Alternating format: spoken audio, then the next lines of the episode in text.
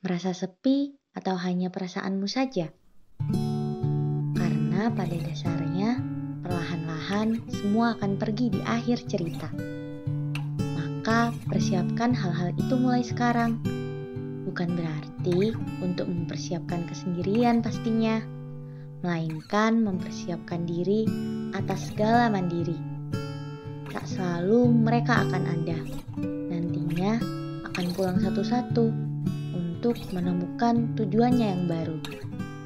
Lalu, bagaimana denganmu? Apakah masih merasa terbelenggu karena merasa sendiri dan belum ada yang mengetuk pintu itu? Kapan sih dia datang?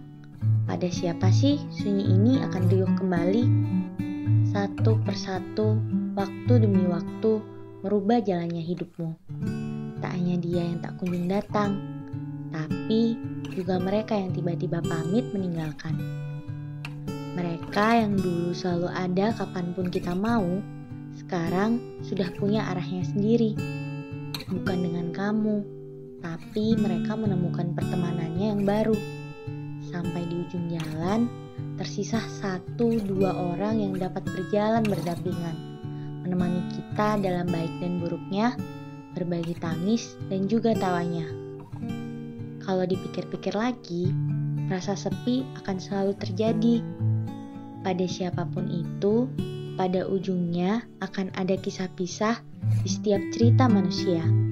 Kamu hanya butuh lebih kuat dan selalu merasa bersyukur.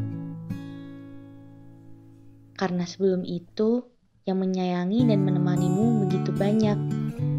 Kamu orang yang baik, yang memiliki kenang dalam diri mereka masing-masing. Pernah merasa sendiri ya. Tuhan selalu bersamamu. Dan juga aku.